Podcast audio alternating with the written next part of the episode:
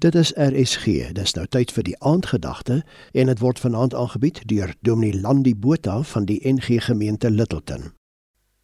Goeienaand. Onthou julle as kleinkind het ons telefoontjie gespeel. Jy praat aan die een kant en dan hoor jy die persoon aan die ander kant.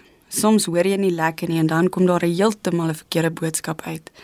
In vandag se tyd het ons voice notes en telefone wat ons mekaar laat kan bel Enige iemand kan enigiemand enige oomblik bel en gesels en allerlei dinge oor vertel. Dis so maklik. Maar het jy nie al gewens jy kan vir God 'n voice note stuur nie of hom dalk net bel en dan kry jy sommer dadelik jou antwoord. Dit sou dinge baie makliker gemaak het as wat ons nou moet sit en wag en kyk wat is sy antwoord. In die Bybel is daar verskeie mense wat ook gewag het om God se stem te hoor. Samuel het die stem van God gehoor, maar dit nie herken nie totdat hy deur Eli vertel was dat dit God se stem is in 1 Samuel 3. Gideon het 'n fisiese openbaring van God gehad en hy het nog steeds gewonder wat hy gehoor het en het vir 'n teken gevra om te bevestig, nie net een keer nie, maar 3 keer.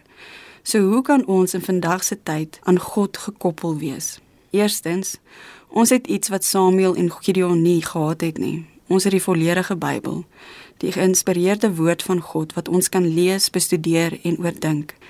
Tweedens, om God se stem te kan hoor, moet ons dit erken. Ons lees in Johannes 10 vers 27 en 28 die volgende: My skape luister na my stem. Ek ken hulle en hulle volg my.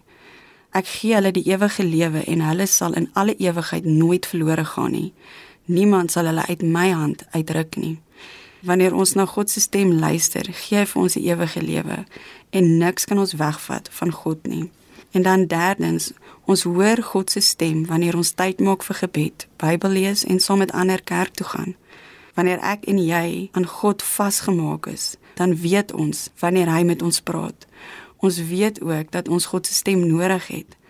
Om elke dag besluite te neem, help gebed. Dit help dat ons die Bybel lees en dit help dat ons met ander praat oor God.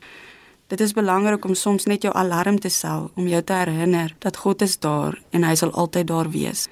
Want God wil so graag 'n verhouding met my en jou hê, saam met jou die lewe aanpak.